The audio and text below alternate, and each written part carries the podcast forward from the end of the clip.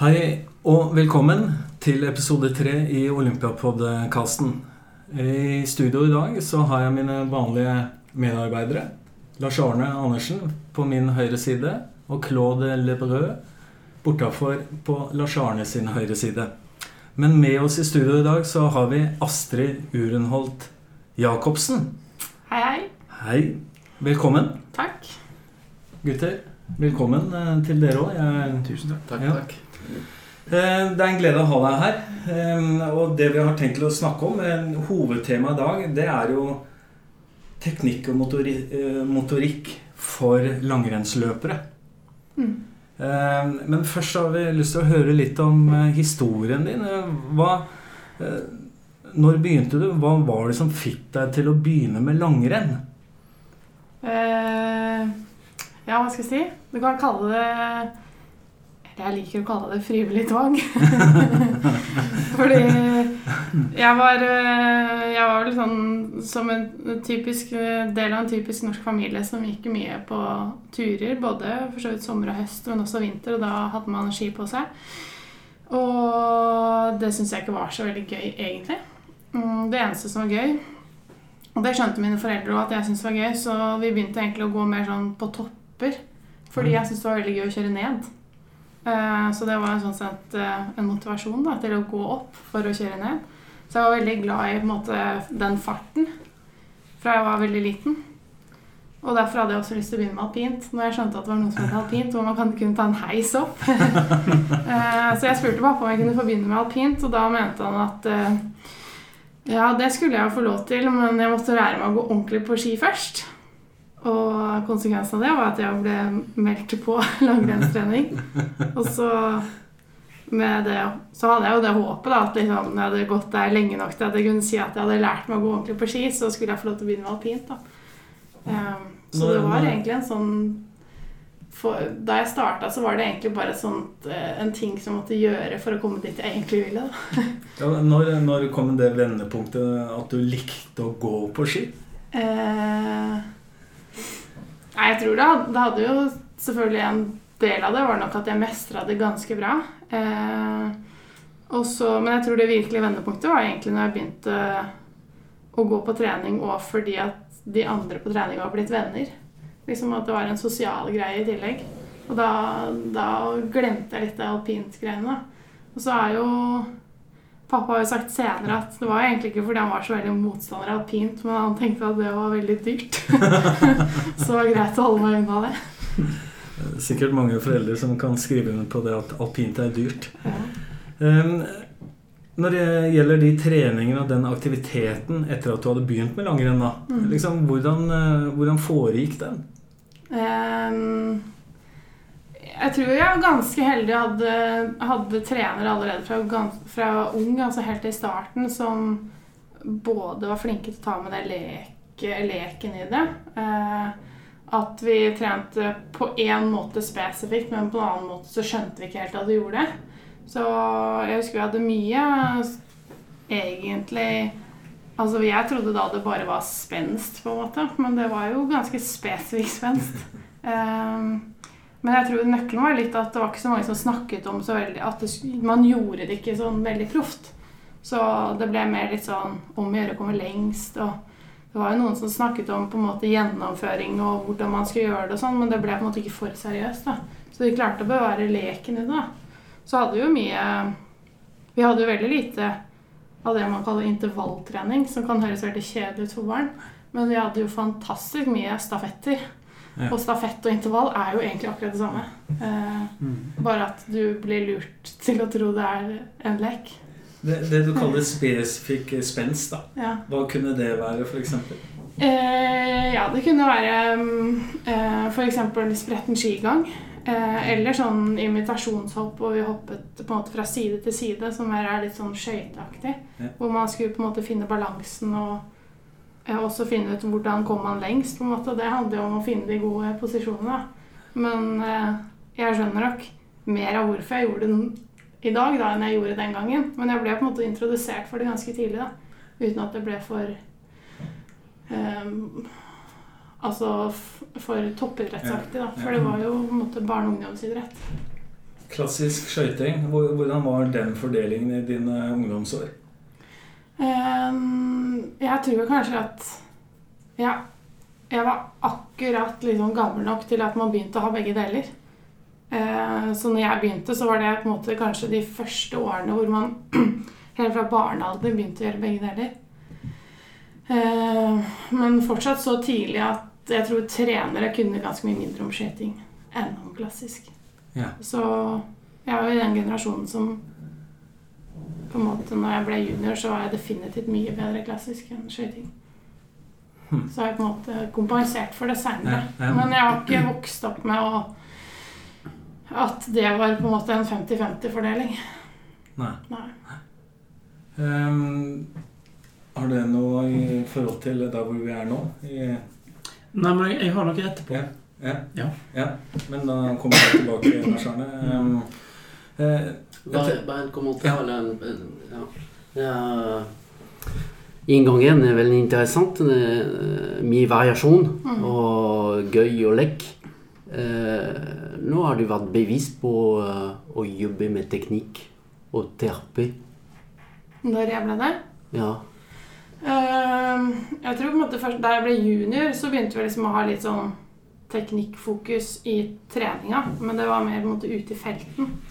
Eh, og liksom Vi hadde styrketrening, vi hadde teknikktrening, men måte så kom man, drar man det enda Jeg måtte bli godt inn i senior før jeg skjønte at liksom noe av det må man rive litt fra hverandre og begynne på enda mer basic da, før du skal ha egentlig forutsetning til å klare det i felten, feltet. Mm. For det var jo egentlig Det var der vi jobbet teknikk. Som Mm. juniorløper, da. Mm. Um, og det kan jo av og til føles som å stange huet i veggen. Det er det jo. ehm, du ble jo tidlig, tidlig eh, verdensmester. Mm. Ehm, hvilken eh, teknikk var det, eh, og hva har det gjort med deg? Det var jo klassisk jeg ble verdensmester i. Og jeg har liksom tenkt at det var på en måte flaks for meg at det var klassisk det akkurat det året. på en måte. For jeg tror jo ikke jeg var helt Jeg var nok ikke like sterk i skøyting. Samtidig så tror jeg ikke verdenseliten var like sterk i skøyting som det var i klassisk i 2007.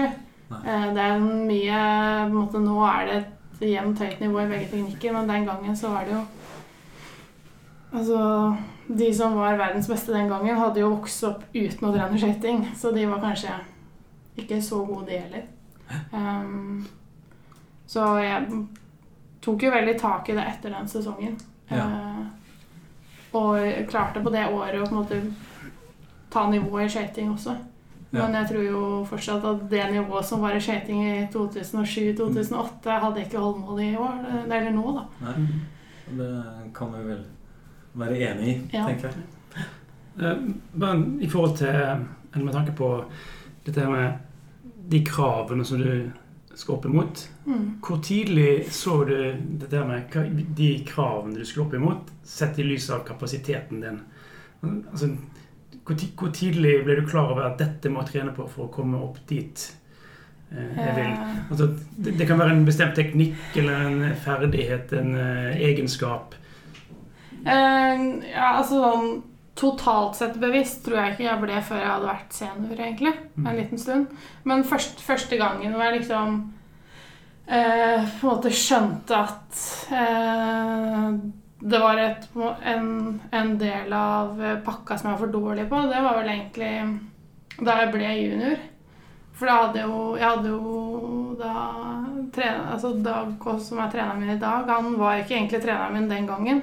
Men han kom jo bort til meg og sa at hvis du skal eh, måte eh, hevde deg i renn som er lengre enn to kilometer, så er du nødt til å begynne å trene langturer. da, Altså det som er på en måte rolig trening. Og det syntes jo jeg var veldig kjedelig, så det gadd jeg jo ikke. Og så brukte jeg ett år til på å sprekke i alle skiene. Før jeg skjønte at liksom, ok Her er det på en måte et gap mellom der jeg er og der jeg bør være. da. Mm. Hvis jeg skal synes det er gøy å gå skirenn lenger enn to kilometer. og da gikk jeg jo tilbake til Dag og sa at jeg godt kunne tenke meg å begynne å trene litt likevel. Og det var jo for så vidt da han egentlig ble treneren min. Mm. Så um, det var kanskje første gangen jeg selv skjønte at det var et gap mellom der jeg var og der jeg burde være, og der jeg ville være hvis jeg skulle prestere det jeg hadde et ønske om. Og da var jeg jo 16 år, da. Men da gjaldt det bare kanskje den delen av pakka. da. Jeg tror ikke jeg var fortsatt ikke sånn så reflektert over at jeg er rask eller eh, bra i den teknikken og dårlig i den teknikken. Men det var kanskje da Jeg fikk jo heldigvis tid på meg, da, et år, til å pludre med det der alene. Det var liksom ingen som tvang meg til noen ting. Det var kanskje da, ja. Det var første, første gang at jeg reflekterte litt over min egen kapasitet og evner. Og mangel på hender. I, i dag, eh, for å gå til eh, det du gjør i dag eh, Hvilken plass har teknikk og motorikk i, i treningsbildet i dag? Og hvordan periodiserer du dette? Vi kan jo si at i teknikk- og motorikktreninga så ligger også kraftstyrke. Ja. Det som vi kaller teknisk styrke. Mm. Øvelser som er lik teknikkmønstre Ja. i langrenn. Og det, jeg brukte jo litt tid på å forstå det, men mye under så jobbet vi veldig i feltene. Gikk på ski, så så man hvor man gikk på ski, så prøvde man å gjøre endringer. Nå på et eller annet tidspunkt så skjønte jeg at jeg var jo ikke jeg var ikke sterk nok til å egentlig holde de riktige posisjonene. Og da er det jo på en måte meningsløst å jobbe på den måten. Um, så jeg vil nesten si at jo eldre jeg har blitt, jo viktigere har det blitt òg. Litt fordi jeg har sett at liksom, det har kanskje vært en av mine svakheter. Eh, og så har jeg på en måte hatt et ønske om å gjøre det til en av mine styrker istedenfor.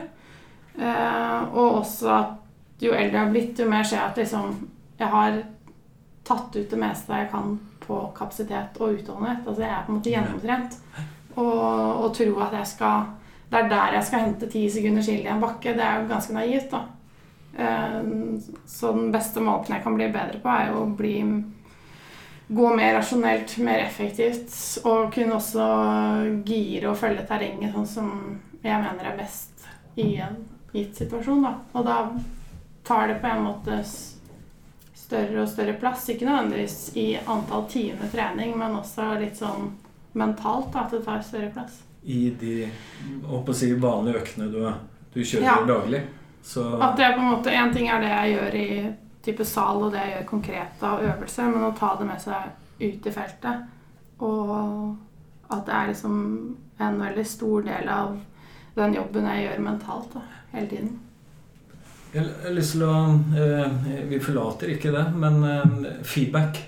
For noen år siden, eh, fire-fem år siden, eh, så min påstand Du var en utøver som på en måte du kjente og følte ikke så mye.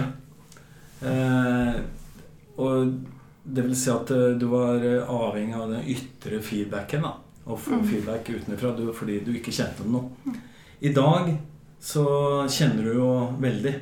Du greier å justere små ting. Mm. Eh, det vil si at eh, du bruker den indre feedback-kapasiteten som du har bygd opp. Bruker dine egne sanser. Eh, Kan, kan du si noe om det? Liksom eh, Den reisen. Kan du si noe om den? Uh, ja. ja. hvis jeg skal prøve å forklare det, så er det liksom jeg var ikke, var ikke, har aldri vært sånn kjempedårlig teknisk, men jeg har ikke vært, så veldig god til å gjøre endringer. Og jeg tror det har handlet veldig mye om at eh, hvis man ser for meg at jeg beveger meg inni en boks, på en måte, tredimensjonalt, så er det veldig dårlig til å kjenne hvor de ulike delene av kroppene er i, inni boksen. Eh, så jeg har vært nødt til å se det for å skjønne hvor jeg har vært. Ja. Eh, og det gjør at hvis ikke du egentlig vet hvor hånden er i forhold til overkroppen, så er det veldig vanskelig å gjøre endringer, da. Ehm, så det har jo kanskje vært den tyngste jobben, å egentlig lære seg til å skjønne hvor jeg, på en måte, de ulike delene av kroppen beveger seg i rommet, da. Ja. Eh, fordi det har på en måte vært en forutsetning for at jeg skulle kunne ta til tekniske tilbakemeldinger og kunne klare å gjøre noe med dem. Fordi jeg har alltid, alltid skjønt eh, tilbakemeldingen. Altså jeg har skjønt hva jeg gjør feil, og også skjønt hvordan man skal gjøre det riktig. Men veien fra det å gjøre den endringen, da, veien det gapet imellom, det har vært veldig krevende for meg tidligere. da. Ja. Og det var først når vi skjønte at jeg, jeg kjenner jo ikke om, det, om jeg hadde armen sånn eller sånn. Eh, så jeg klarte ikke å kjenne forskjell. Da skjønner man jo at det begynner å være ganske vanskelig å få det til. da. For, for, for å få det til, da. Eh, hva, er, hva er det som har gjort at du har fått det til? Er det noe teknologi som er brukt der? Er det noe videoteknologi? Er det noe er det som har hjulpet deg til det, eller er det andre ting? Eh, jeg tror det er en kombinasjon av eh, veldig mye repetisjoner. Og så er det at jeg har jo vært heldig og hatt ganske mange treninger med dere som trenere. Så at jeg har på en måte fått feedbacken på når jeg gjør endringer. Så jeg har klart å koble liksom om eh, hva jeg føler med hva som faktisk skjer. Da. Så etter hvert så har jeg på en måte bygget meg opp en bedre sånn, eh, kompetanse på det. Og så har jeg jo brukt ganske mye speil. Ja. Ja. Og en ting er film, men film fungerer best for meg hvis jeg kan se det med en gang. Altså hvis jeg kan se det live, Men hvis jeg skal på en måte bli filma og så gå inn og se det, så har ikke det gitt meg så mye. da, har jeg funnet ut. Så jeg er på en måte nødt til å få den umiddelbare tilbakemeldingen for at, for at jeg skulle klare å gjøre noe med det. Så speil har jo funket eh, veldig bra. da. Altså, Hvis vi ser på den, din perfekte feedback-situasjon, da. Mm. Det er å bruke speil. Ja, og ta seg god nok tid til å gjøre ting ordentlig istedenfor å liksom være så fokusert på at skal, jeg skal bli sliten eller skal ha høy puls eller alle Ja. disse tingene som kanskje er mer vanlig i den andre delen av langrennstreninga. Det må liksom legges litt bort. da. Kvalitet. Ja. Litt mer fokus på kvalitet på bevegelse. Mm.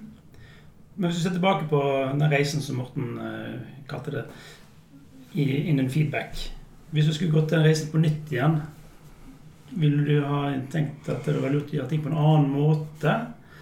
Eller var det en grei måte, eller en grei prosess du var gjennom for det ytre feedbacken til Eh, jeg syns egentlig det har vært en bra prosess, men jeg skulle ønske at jeg hadde starta den mye tidligere. Eh, jeg, egentlig så burde jeg gjort det mens jeg var junior. Sånn at eh, jeg ikke skulle først på en måte bli god og så innarbeidet et eller annet bevegelsesmønster, og så skulle begynne med den jobben. Da. Eh, og på mange måter så Jeg har ofte ønsket at jeg hadde drevet med turn eller et eller annet da jeg var yngre, sånn at jeg hadde hatt kanskje mer kompetanse fra akkurat hvordan jeg beveger meg i rommet. Da. Ehm, og så tror jeg òg at i starten, når jeg startet med det, så tror jeg mentalt tenkte mer på det som styrketrening enn at jeg skulle lære meg Ja. å bevege meg, og at det var det viktige. Og kanskje så har jeg da på en måte mentalt hatt feil fokus og da sløst bort noe tid, i hvert fall. Kan vi, kan vi bruke begrepet 'lære å lære'? Er det et godt begrep for deg? Ja. Jeg tror jo på en måte det er helt avgjørende for at en sånn type trening skal ha eh, god effekt. da. Og så er det jo helt avgjørende hvordan utøveren tenker rundt det. Eh, og at man ikke er på en sånn trening for å, for å bli trent eller bli sliten, men at liksom hva er meningen med det? Er jo egentlig at Meningen med det var jo egentlig at jeg skulle lære meg hvordan jeg beveget meg, sånn at jeg kan All den andre treningen jeg driver med, kan ha bedre kvalitet. Mm. Og flere Er reisen ferdig? for? Nei. Hva er neste steg? Altså, jeg kan eh, Jeg gjør jo fortsatt på en måte ikke hva skal man si, feil, men jeg beveger meg ikke optimalt hele tiden. Så kan man si at jeg har bedre forutsetning for å endre det fra der jeg er nå, til det som er i hvert fall nærme meg det optimale. Fordi jeg klarer i større grad å, å kjenne og forstå hvordan jeg beveger meg, og hva som skal til for å gjøre endringene. Men å gjøre endring er jo fortsatt vanskelig. Eh, Så det er jo på en måte noe som må jobbes med uansett. Så jeg tror ikke Man blir på en måte aldri ut, utlært. Og så er det jo Jeg tenker i de fleste idretter så er det jo en utvikling uansett som man må på en måte enten velge å følge, eller kanskje helst ligge i forkant. da. Mm. Og da tror jeg jo på en måte at du blir fort akterutseilt hvis du føler, føler at du er utlært. da. ja, Du blir jo aldri utlært. Eh, Det er jo en ferskvare, dette Mm. som all annen eh, trening. Eh, Og så er det større ferskvare for andre for noen enn for andre. Mm. Eh, For å avrunde her så er det to spørsmål jeg har lyst til å gå litt inn på. Hvis ikke dere har noe mer i den Hvis dere mangler noe her, gutta, eh, på hva Astrid har jobbet med. Kanskje et ledende spørsmål, eller det er et ledende spørsmål, men på den reisa Dette med eierskap til bevegelsene dine, eller teknikkene dine. Hvordan har utviklingen vært der? Nå antar jeg noe på forhånd, altså, men eh, jeg antar du har et bra eierskap nå, men hvordan har utviklingen vært der gjennom de årene du har trent? Eh, jeg tror på en måte i takt med at jeg har blitt både mer bevisst om hvordan jeg beveger meg, og hvordan jeg kan gjøre endringer, og også bygget opp litt mer kompetanse på å kjenne bedre hvordan jeg beveger meg, så har jeg nok eh, også begynt å ligge mer på en måte i forkant av eh, teknisk utvikling da, eh, og ski, det skitekniske. Eh, så jeg har nok, tar nok mye større måte, kontroll på det. Før så var jeg nok mer avhengig av liksom at å bli fortalt fra trenere hva, hva, som var den beste måten å gjøre ting på. Men nå kanskje er det litt mer snudd på hodet. Mm. At uh, det er jeg som kjenner, og det er jeg som på en måte styrer og kanskje uh, Noen ganger så kjenner jeg ting, men jeg vet ikke helt hva det er. Og da trenger jeg jo feedback fra en, fra en trener eller en som ser på. Men det er jo fortsatt jeg som kjenner, istedenfor før så var det jo kjente jeg jo ikke så veldig mye, og så fikk jeg en annen tilbakemelding på hvordan ting så ut, bare. Mm. Eller sånn Ja, det var bra. Ja. For eksempel. Synes du du har blitt flinkere til å tilpasse deg på, på snø og finne eh, løs, tekniske løsninger? Eh, ja, jeg har blitt flinkere, men så har jeg også hatt en periode hvor jeg på en måte jobbet så hardt med noen ting at jeg nesten ble litt rigid. da. Eh, og det nytter jo ikke på snø, fordi det er jo på en måte, snø er jo et levende materiale. Mm. Så det er aldri like hardt eller helt flatt eller Så det måte, har jo vært neste steg igjen, da. Å på en måte bruke de hva skal si, det nye bevegelsesmønsteret, men uten å være for rigid. Klare å være avslappa og ledig i det også. Så, og der har jeg jo fortsatt noe å jobbe med, da. Hvordan løser du det å gå fra mølle, asfalt og til snø, egentlig? Eh, bare drar du med deg tingene rått og brutalt ut på snø, eller Nå er vi fortsatt litt i den gata med å føle seg fri, men eh, hvordan, hvordan tenker du Hvordan overfører du de ferdighetene? For det, det er noe annet å gå på asfalt, det er noe annet å gå på mølle. Ja, for det første så prøver jeg å tenke når jeg går på mølla, at det jeg skal gjøre, skal funke på snø.